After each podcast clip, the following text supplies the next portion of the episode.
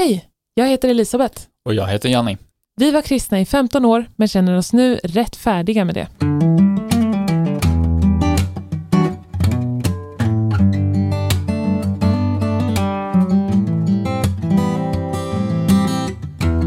Hej och välkomna till det tredje avsnittet av vår podcast Rätt färdig. Idag är det den 30 januari 2022 och vi ska prata om religiöst trauma. Är du religiöst traumatiserad? alltså jag tror inte det. Men jag vet inte. Hur vet man det liksom? Det finns väl symptom, eh, kliniska symptom som, som eh, man har, kan diagnostisera någon med trauma. Mm. Men Jag upplever mig inte vara särskilt traumatiserad i alla fall. nej, varför tänker du att du inte är traumatiserad? För att jag mår bra mentalt. Ja, jag med. Oftast. Och jag, jag tänker inte på min tid i, eller min tid som kristen på, som, som någonting så dåligt. Mm, Jag, jag har goda minnen. mm. Eh, Jag tror inte att jag ångrar det så mycket heller, att jag var kristen. Det är en intressant fråga att ställa sig. Nu är det ju lite som att, att det var bortkastad tid, Mm. men helt bortkastat var det ju inte. Varför inte? Mm, Jag lärde mig musik, jag, jag gjorde massa saker som liksom hjälpte till i församlingen som jag har lärt mig mycket från. Jag har lärt mig sociala skills, jag träffade dig. Mm. Ja. Ja, jag mår också bra Um, och tror inte att jag är religiöst traumatiserad. Jag, jag, jag har inget minne av någon, något tillfälle direkt i kyrkan som var traumatiskt för mig. Men jag vet att det finns många människor som har sådana minnen. Jag har inte det tror jag. Jag kan inte komma på någonting. Men trauma, vad jag förstår det som, det är inte alltid man nödvändigtvis är medveten om det psykologiskt, utan det kan ta sig uttryck i, i kroppen. Liksom. Så man kan få random liksom, fysiska symptom som visar sig vara symptom på obearbetat trauma. Men jag tror inte att jag har något sånt heller. Så jag tror att vi båda har kommit väldigt bra undan så att säga. Och det skulle vara så intressant att få lite statistik, lite data på hur många är det som blir skadade eller får religiöst trauma av att vara med i den typen av kristendom som vi var med i och hur många klarar sig bra. Tycker att eh, det var i princip bara nice att vara kristen. Vilket är i alla fall vad jag känner. Att det var i princip bara kul att vara kristen. Men, men vad exakt är det vi menar när vi pratar om religiöst trauma? Är det några specifika symptom eller är det något? Det som jag menar är att man har blivit skadad mentalt, eh, psy- psykologiskt i den religiösa kontexten. Kanske av någon ledare där eller i miljön där eller blivit skadad av att någon har använt Gud för att på något sätt förtrycka en eller, eller skada en eller så. Helt enkelt att man har fått en emotionell eller mental skada ifrån den religiösa kontexten. Det är det jag menar. Mm. Det kan också vara att man har blivit skadad av en person där som inte egentligen nödvändigtvis har haft med religionen att göra, men att man kanske försökte ta upp det med ledarna i kyrkan och inte fick något gehör eller tvärt emot blev anklagad att du har lite dig själv att skylla eller så. Vilket också jag skulle klassa in under religiöst trauma då. För att då är det trauma, eller en del i traumat är att man inte blev tagen på allvar. Mm. Ja, så även icke-religiöst trauma kan bli lite så om det kommer från en person som som har religiös auktoritet. Ja, du menar att själva, själva traumat i sig, innehållet i den traumatiska händelsen inte egentligen har något med religion att göra? Men Ja. att den utövas av någon som är en religiös auktoritet? Precis, och så, och så vågar man inte stå upp för sig själv på grund av det religiösa, ja, på grund av deras religiösa auktoritet. Ja, precis. Verkligen. Det är en farlig sak och det, det händer ibland liksom att det blir så. Eh, någon som har religiös auktoritet tar sig rättigheter och friheter och skadar folk. Och problemet är ju just med den religiösa auktoriteten att sätter man sig upp mot den så är det lite som att sätta sig upp mot Gud själv. Liksom. För att den här auktoriteten har fått sin auktoritet från Gud. Så vem, hur kan jag då komma och säga någonting? Mm. Då är det som att säga emot Gud. Liksom. Men eh, så finns det väl också på riktigt religiöst trauma som har med innehållet i religionen att göra också. Till exempel. Idén om att man hela tiden är övervakad av Gud. Både i, 1984 bo, style. ja, bo, va? 1984 style. Ja. Både i det man gör men också det man tänker. Ja. Det, det är ganska insane egentligen. Utifrån sett. Att tänka att det är någon som vet till och med vad jag tänker. Inte ens mina tankar är fria.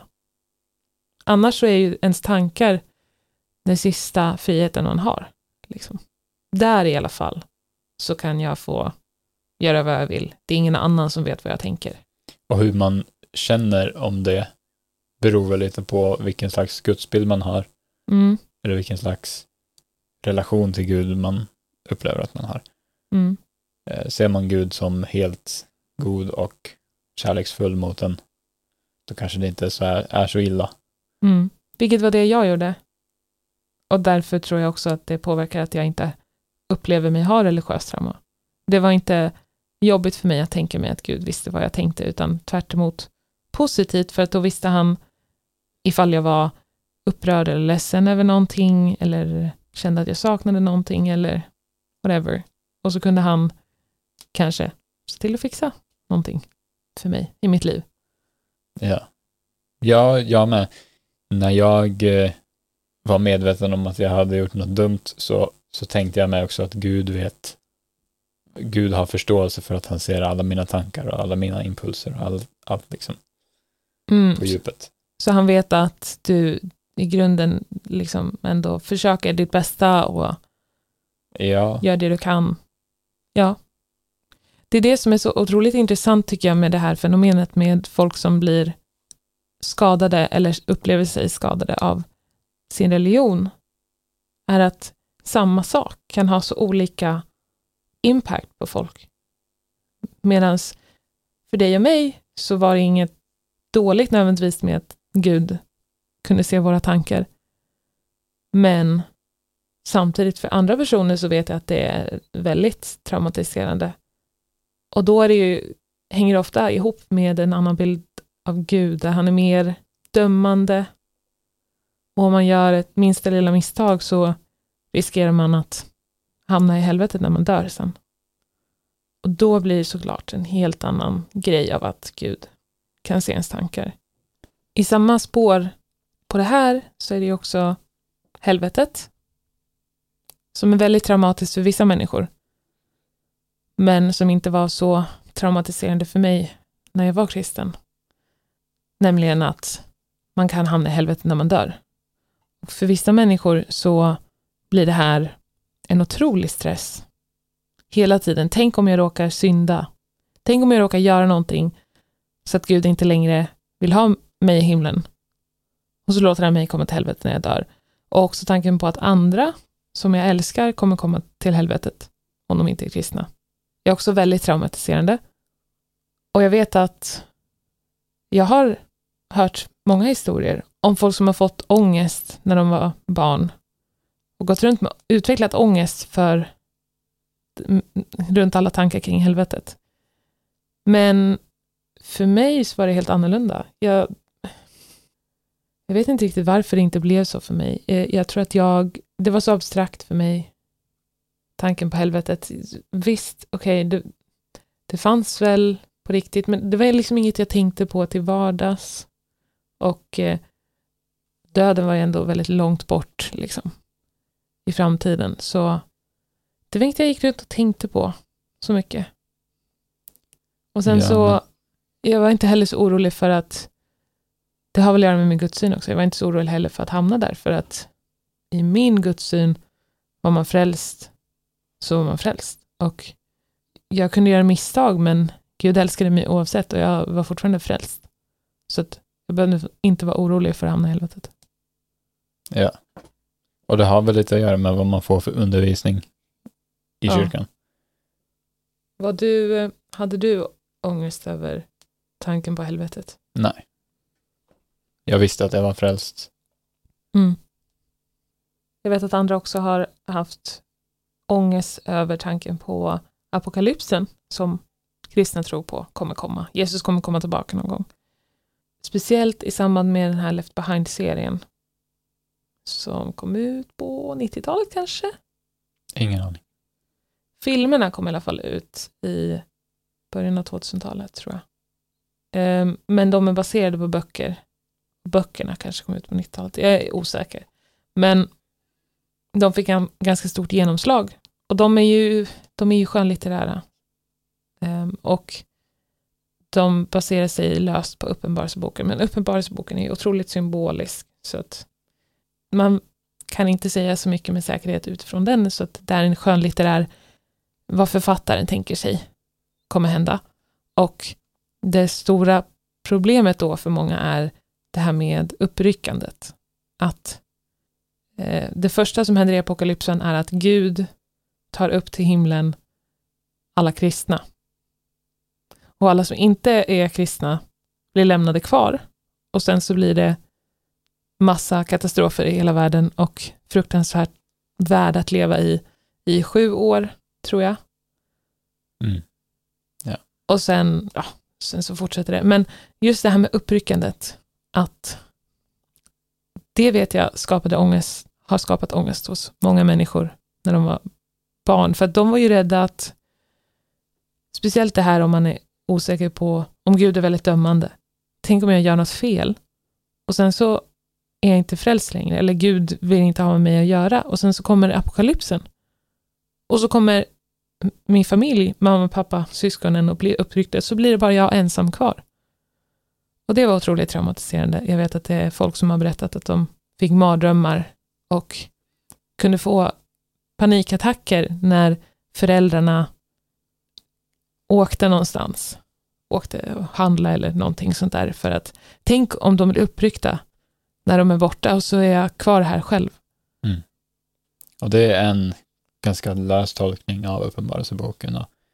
Filmen, vi såg på den nyligen, den refererade till Daniel och Hesekiel också. Mm. Så någon skriver en skönlitterär bok om det och så gör det, görs det en spelfilm av det. Och folk, ganska många, då verkar tro att det här är på riktigt. Eller? Jag vet inte om de tog allting där som att det var helt sant, men tanken på att det kommer ske ett uppryckande, den är väl ganska etablerad? Ja, visst. Det, och det är just den, i och med böckerna och filmerna så blev det mer på riktigt på något sätt, men själva uppryckande tanken kommer ju inte från böckerna eh, från början. Mm. Den finns väl etablerad i vissa ja, kristna grenar i alla Just. fall. Och det är den som är... Eh, men, men, som jag hade uppfattat det så, så efter uppryckandet så då är det för sent att bli kristen för de som inte redan var det. Mm-hmm. Medan i filmen så är det ju massa folk, eh, liksom huvudpersonerna blir ju kristna efter uppryckandet. Mm. Så det gjorde mig förvirrad när jag såg, såg filmen första gången. Jag tänkte mig att man kunde bli kristen efter uppryckandet. Jag tänker mig att det var liksom, där har de tagit lite friheter Aha. med tolkningen för att kunna göra en film av det. Eller något sånt, jag vet inte. Men det var den bilden jag hade innan filmen också tror jag, att man kan bli kristen efter uppryckandet. Man kan bli kristen när som helst innan man dör, typ. Även under apokalypsen.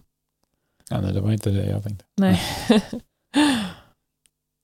ja, men det här med religiöst trauma leder ju lite in på en stereotyp skulle jag säga, som finns bland kristna, lite grann i alla fall, att de som lämnar tron, det är bara de som har blivit skadade i kyrkan och som nu är bittra och arga på hela religionen, bara för att det var någon dålig person i kyrkan som skadade dem.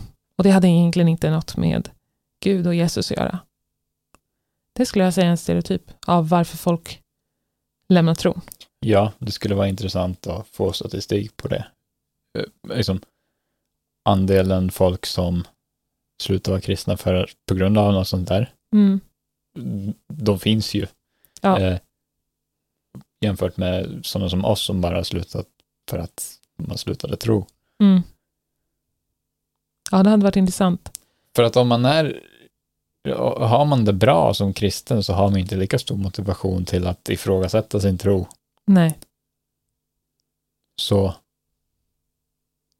det, vilket minskar chansen då att man lämnar tron. ja, så det kanske är mest sådana bittra folk som slutar vara kristna. Bittra folk. Alltså man behöver inte bli bitter bara för att man har- blivit skadad i kyrkan och Nej, valt att lämna nej. sin tro. Men, men du menar att det kan finnas en kärna i den stereotypen? Kanske. Ja, det är möjligt att eh, Det är möjligt. Jag kan också tänka, liksom, ja, det, det är väl kanske skulle kunna vara så. Ehm, och det hade varit intressant att se statistik på, istället för att bara spekulera på det.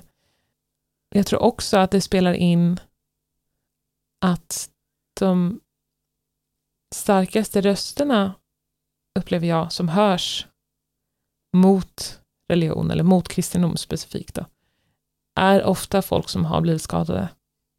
mm, Vilket inte är så konstigt egentligen. Eller det, det blir väl ganska naturligt så att de som har blivit mest skadade är de som är mest upprörda och har mest motivation och driv till att försöka förändra det så att ingen annan blir skadad så som de blev skadade. Eller så att folk, eh, auktoriteter som har skadat dem, blir ställda inför rätta. Eller måste ta ansvar för sina handlingar. Eh, Medan de som trivdes med att vara kristna, som vi, vi hade det jättebra som kristna, inte har den här motivationen att prata sen när man har lämnat tron. Vilket gör också så att man får den här bilden av att de som lämnar tron, det är bara de som har blivit skadade i kyrkan. Okej, jag har en fråga till dig. Varför tror du att vi kom bra undan?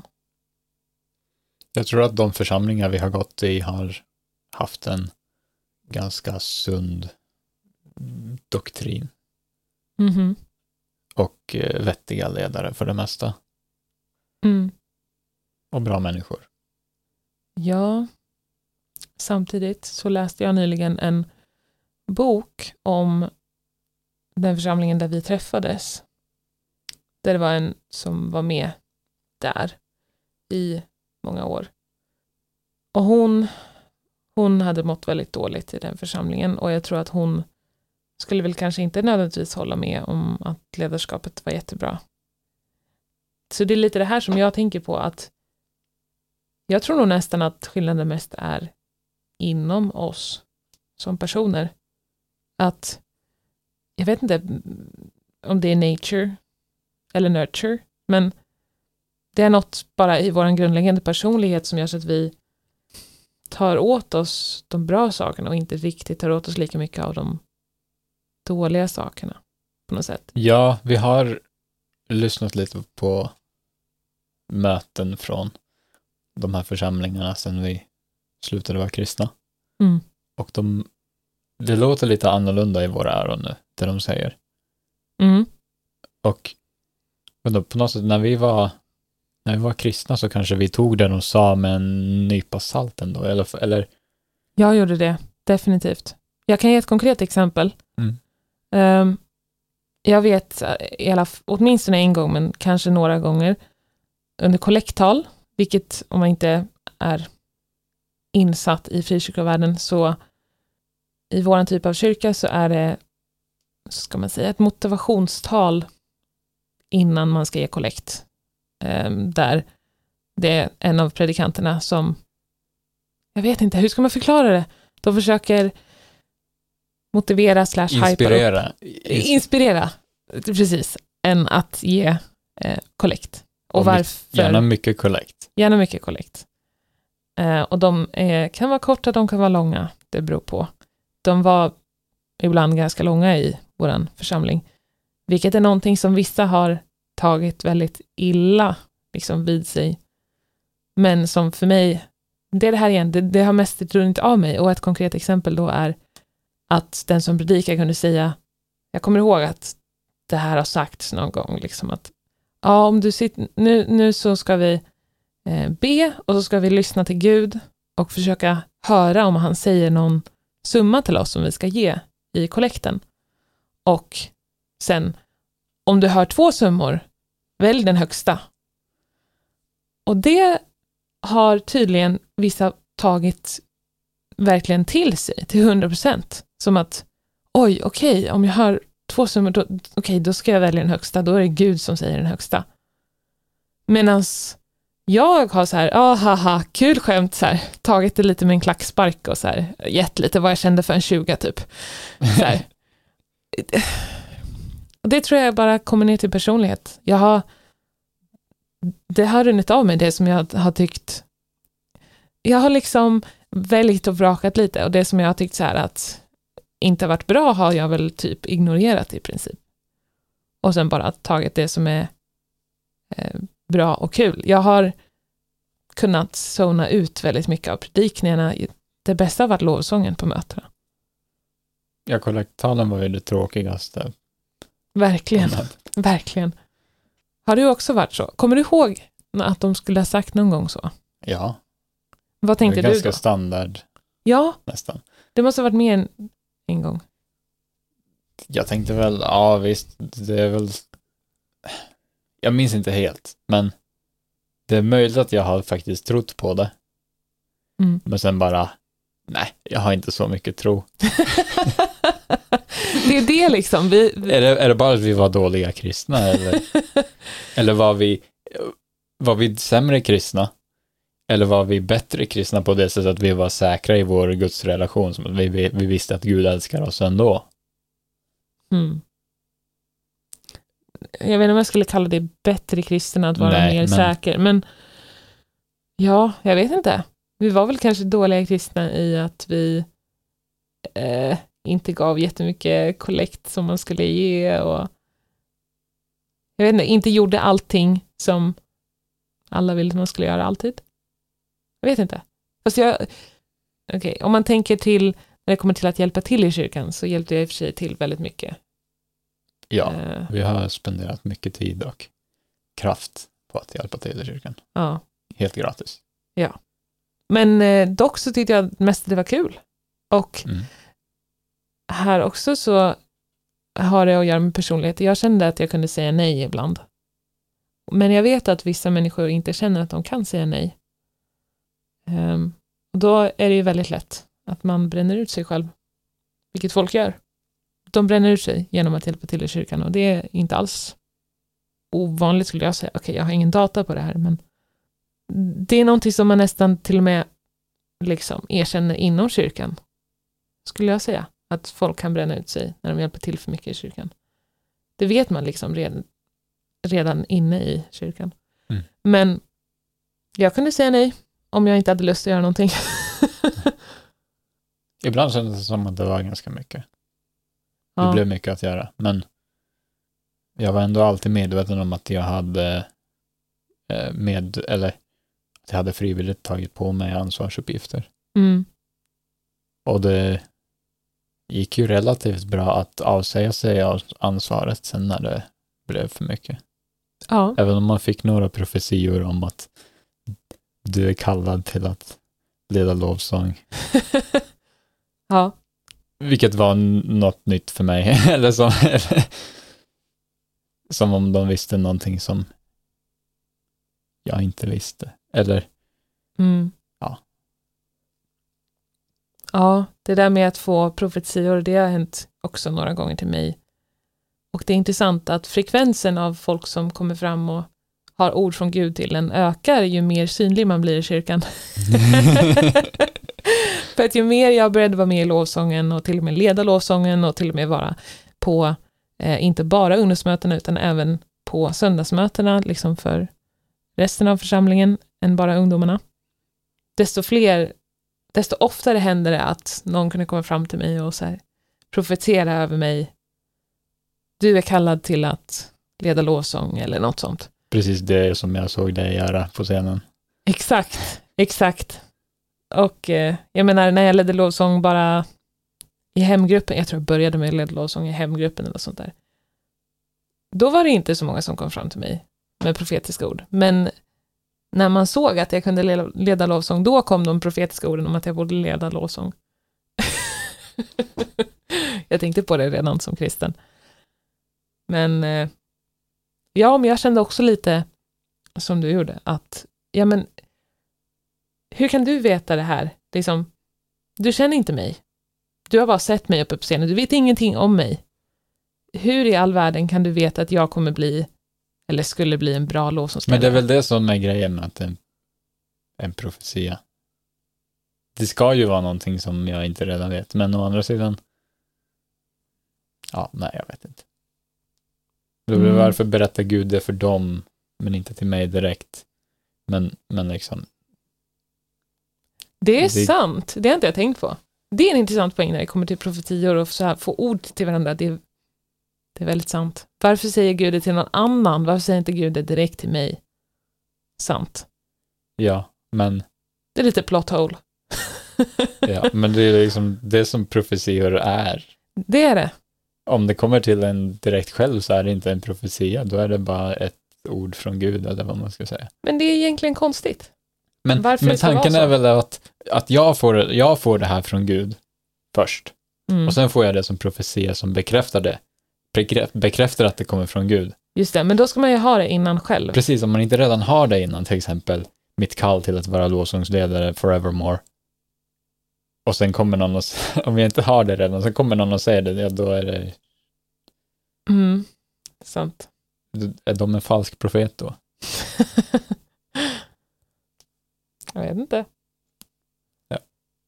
Jag hörde något bibelord häromdagen i Gamla Testamentet där det är väldigt skarpt mot falska profeter. Hur vet man om någonting är från Gud?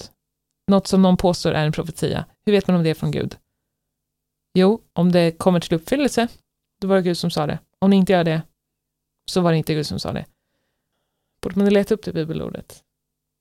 Ja, Okej, så vi hittade bibelordet som jag tänkte på. Du får läsa det. Ja, femte Mosebok 18.22. När profeten talar i Herrens namn och det han säger inte sker eller kommer, då är det något som Herren inte har talat. Profeten har talat i övermod. Du ska inte vara rädd för honom. Det är en vers som jag tycker kunde appliceras mer i frikyrkorörelsen, för den där, jag tror inte att jag har hört någonsin om den när jag var kristen i kyrkan. Jag har hört den nu bara, jag hade den på YouTube för några dagar sedan. Ja, den eh, nämns inte så mycket. Jag tror jag har läst den själv någon gång. Mm. För att tänk om man skulle ta inventarie på profetiorna som görs.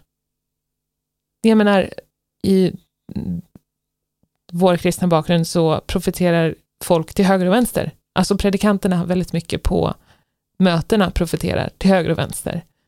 Och jag känner att Herren kommer komma med stor våg över Sverige och han kommer komma med väckelse och sånt.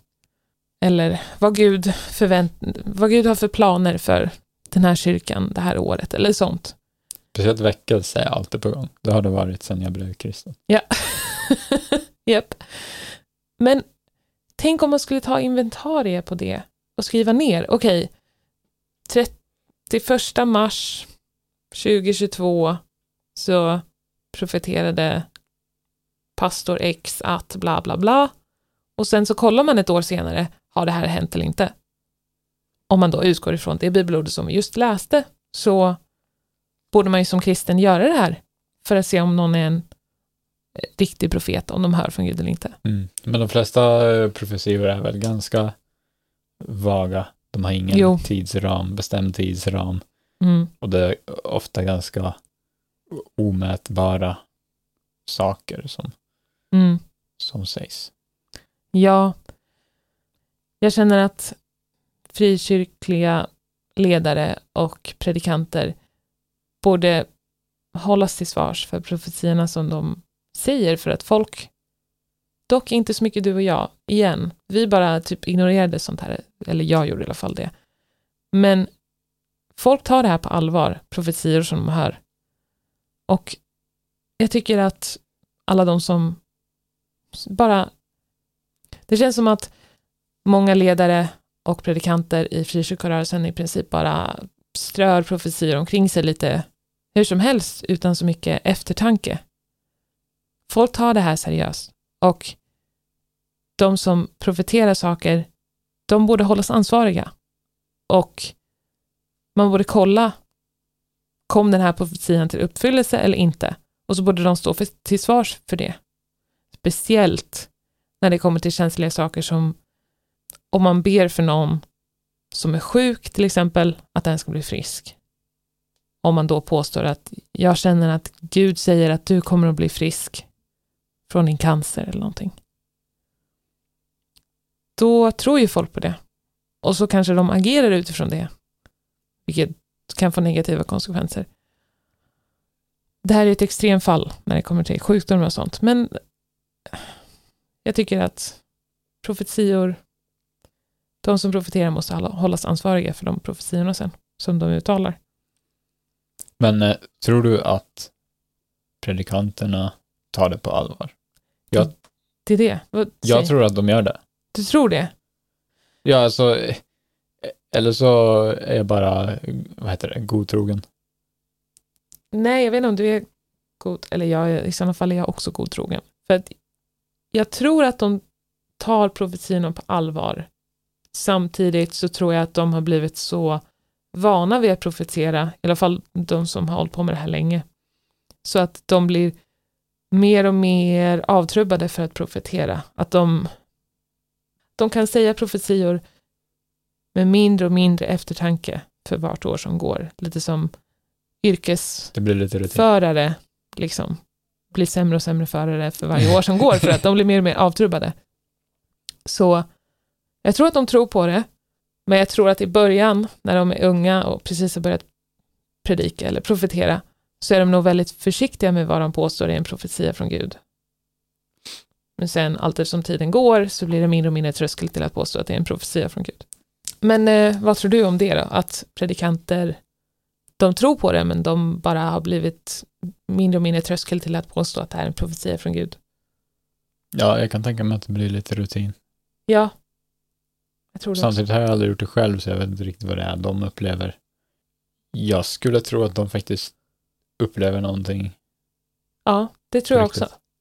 Om de i stunden verkligen tror att det är Gud som säger det, vad ska de göra? De, då, då känner de sig väl lite tvungna att säga det, för att de tror att det här är något från Gud. Ja, och det, det är inte i sig det jag har något emot, men jag menar, de borde ju själva också vilja veta om det verkligen var från Gud. Om de liksom vill, om de är ute efter att vara ärliga och ta reda på vad är från Gud och vad är inte, då borde ju de också vilja veta det.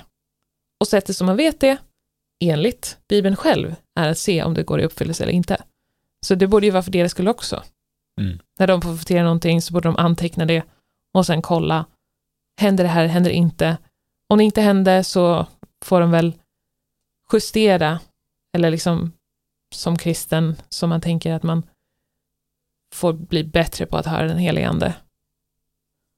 Så det är bara win-win, tycker jag, att börja ta inventarie på profetior.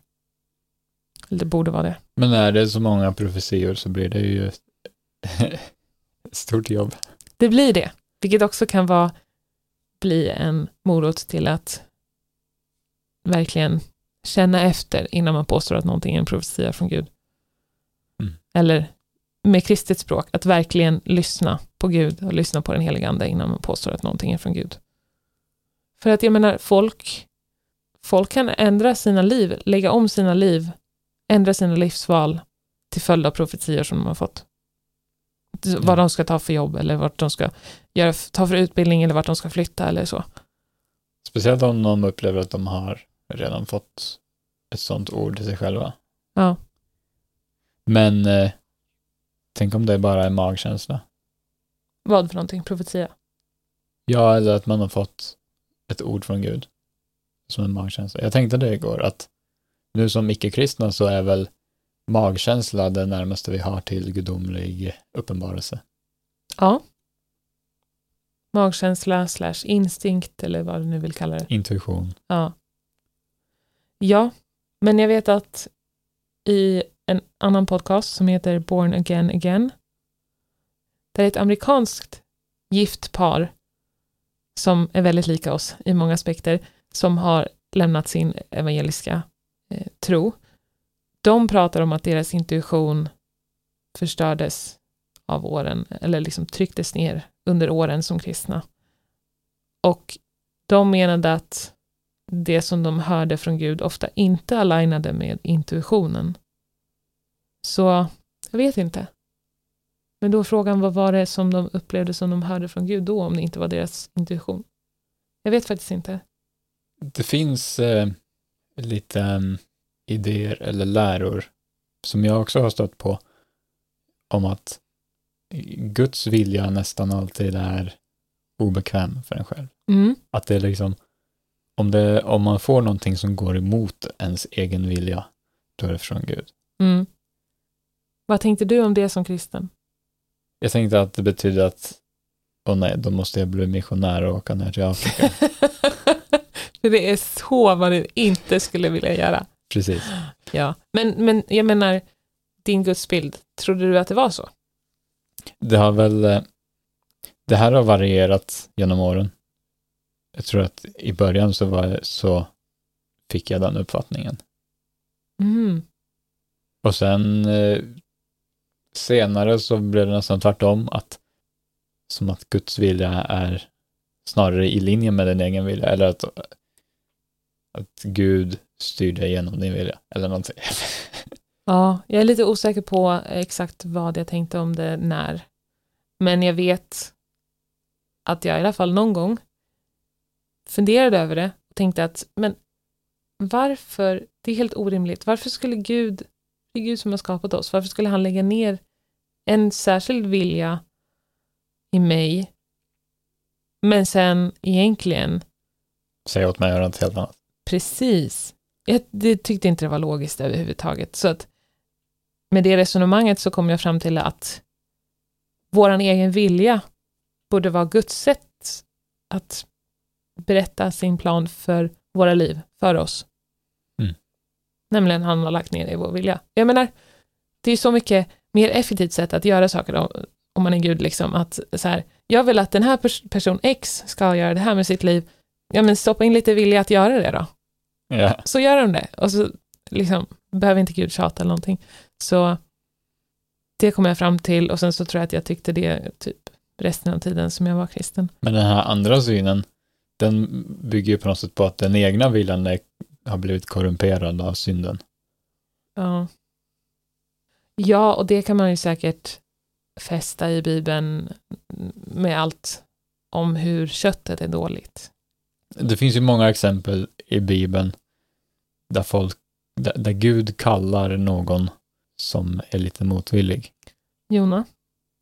Valen. Jag skulle nä, nästan alla som blir kallade till att göra något i Bibeln är motvilliga. Mm, det är sant. Så det är kanske därför som därifrån den läran kommer då. Ja, det är möjligt. Ja. Ja, nej, jag tycker fortfarande inte att det är logiskt. det är så ologiskt. Ja, men det är också någonting som kan vara skadande för folk att man får lära sig inom den typen av lära att det som min magkänsla och intuition och min egen vilja säger mig är fel och jag måste trycka ner den och göra vad andra säger. Vilket om man gör det under en lång period så blir det skadligt. Mm. För att man trycker ner sig själv hela tiden. Vilket inte är hälsosamt. Så att eh, det har de pratat om mycket i Born Again Again podcasten. Det verkar vara en stor grej för dem. som de har upplevt, båda två, inom den kristna tron, att de har tryckt ner sin egen vilja och sin egen intuition och verkligen fått jobba med det efter att de har lämnat sin tro.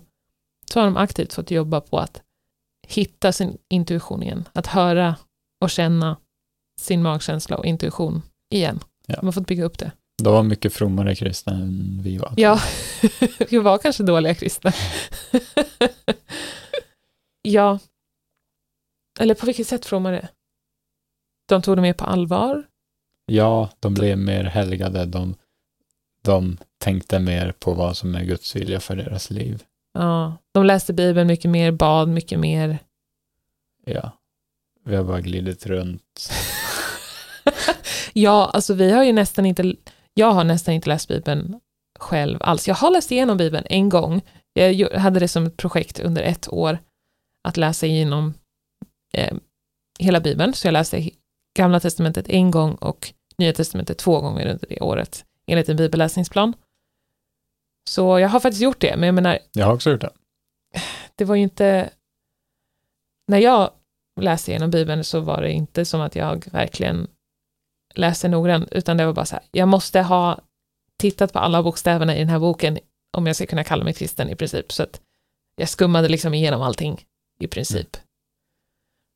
Men du då? Nej, jag läste, eh, inte som jag satt och studerade varje vers Nej. länge, men jag läste hela. Jag, jag skippade lite släkttavlor och lite långa uppräkningar av lagar. Men då får man en ganska... Men jag menar, jag tror alla kristna bör göra det. ja, alltså, Då får man en lite nyanserad bild av, mer nyanserad bild av Bibeln än om man bara lyssnar på, på predikningar. verkligen. Och eh, jag vet inte om det är någon som inte är kristen som lyssnar på det här och blir så här helt förvånad över att kristna kanske inte läser Bibeln. Men eh, jag menar, det här tror jag varierar från olika grenar av kristendom, olika samfund. Men i vårt samfund så, Jag tror det är många som läser Bibeln, men jag tror de Ja. fokuserar på Nya Testamentet ja, och de har en viss tolkning av den också som de blir matade med. Ja, och jag tror nog inte att 100% av alla som är kristna från våra sammanhang har läst hela Bibeln. Nej. Det, Hur stor, har du någon så här gissning, hur stor andel tror du har läst hela Bibeln? Jag tror det var vanligare bland de äldre. Mm. Men jag hade perioder då jag läste Bibeln ändå ganska regelbundet. Jaha, wow, du var frommare än mig. Ja. jag vet inte om jag någon, jo, mm, kanske när jag precis hade blivit frälst. Så här, och de typ två åren efter det så kanske jag läste ofta, men inte efter det. Men hur många tror du har läst hela Bibeln? Jag skulle gissa på hälften kanske. Ja, kanske något sånt. Men jag tror dock att vi var väldigt dåliga kristna. Jag tror att så här, normen, eller de allra flesta läste Bibeln oftare än vad vi gjorde, i alla fall mot slutet. Vilket var aldrig. Eller är det att alla bara liksom alla bara får det att verka som att de läser Bibeln mycket? jag vet inte. Only God knows. Alltså bara tror folk det om varandra. Alla tror att alla Precis. läser Bibeln, men så... Precis. Alltså man ska ju, det är ju verkligen, från kyrkans håll så ska man ju läsa Bibeln själv. Så att, att folk inte gör det kommer inte därifrån. Utan det kommer från att Bibeln är skittråkig. Ärligt talat. ja. Även om den kanske den kanske inte är nödvändigtvis tråkig, Nej. men det är bara det att det är en och samma bok som man läser tiotals år. Ja, ja, jo, det är väl det. Men det är det, man tror att man har hört allting eller har läst allting, men i frikyrkovärlden så läser man i princip bara Nya Testamentet. Mm. Och det finns nog, Eller väldigt specifika verser i Gamla Testamentet. ja, det är liksom, och man oftast har, ett utan litet, sammanhanget. ja, man har ett litet urval av Bibeln som man läser och sen så finns det andra delar av Bibeln som man aldrig nästan hör om. Ska vi ha ett avsnitt där vi drar fram allt det där som aldrig skulle pratas om i kyrkan? Kanske. Men då måste vi göra lite research innan det, men kanske. Så det här till exempel, det här bibelordet som vi tog för en stund sedan om profetiska ord, det är någonting som aldrig tas upp. Eller, jag minns inte att någon någonsin har predikat om det här. Men det står ju i Bibeln. Det gör det. Är det någonting mer vi vill säga? Den största poängen, tror jag, för mig att göra i det här avsnittet är att säga att man kan faktiskt lämna tron trots att man trivdes jättebra med att vara kristen, vilket jag gjorde och vilket du också gjorde, och lämna det helt på intellektuell grund, Mm. vilket är det vi gjorde. Så Ja. alla ex-kristna är inte bara arga och bittra och skadade. Jag saknar faktiskt kyrkan. Eh, häromdagen så föreslog jag till dig att vi borde gå till kyrkan någon gång och bara, det jag saknar mest är lovsången, så då går vi till kyrkan och sen så är vi på lovsången i början och sen när de börjar predika så drar vi. Det är som att gå på en konsert. Ja. Vilket är precis vad lovsångarna i kyrkan säger att det inte är. Ja, men in, ja, det är lite som en konsert, men den här andliga biten gör det till lite mer av en spirituell upplevelse. Okej, jag har inte varit på så många sekulära konserter, så att eh, det kan mycket väl hända att de också är i princip spirituella upplevelser. Liksom. Jag vet inte. Men, ja. Nej, jag trivdes jättebra i kyrkan och eh, jag ville jag ville fortsätta vara kristen, men jag ville bara se till att jag verkligen hade en god grund att stå på och så hade jag inte det och då kunde jag inte fortsätta vara kristen. Men det var inte för att jag inte ville vara det. Det var inte för att jag blev skadad i kyrkan. Mm. Det höll bara inte. Jag var ganska uttråkad. Ja, det var det. Men du var inte heller, du hade inte heller blivit traumatiserad eller skadad i kyrkan. Nej. Det är klart det har hänt lite små saker som har varit jobbiga. Men Mm. Jo, absolut, det har det för mig också. Men inget så stort så att det skulle lämna tron på grund av det. För jag har alltid tänkt, så som alla kristna säger också, att om det är någon som har varit sagt något dumt eller någonting mot mig, så har jag alltid haft mentaliteten att det är den personen som är en människa, ofullkomlig och betedde sig illa mot mig den här gången. Men jag har liksom inte flyttat över det på Gud. Mm. Har du något mer du vill säga innan vi avslutar? Nej. Okej, då får det vara bra för idag. Tack för att ni lyssnade. Vi hörs i nästa avsnitt. Yes. Hej då. Hej då.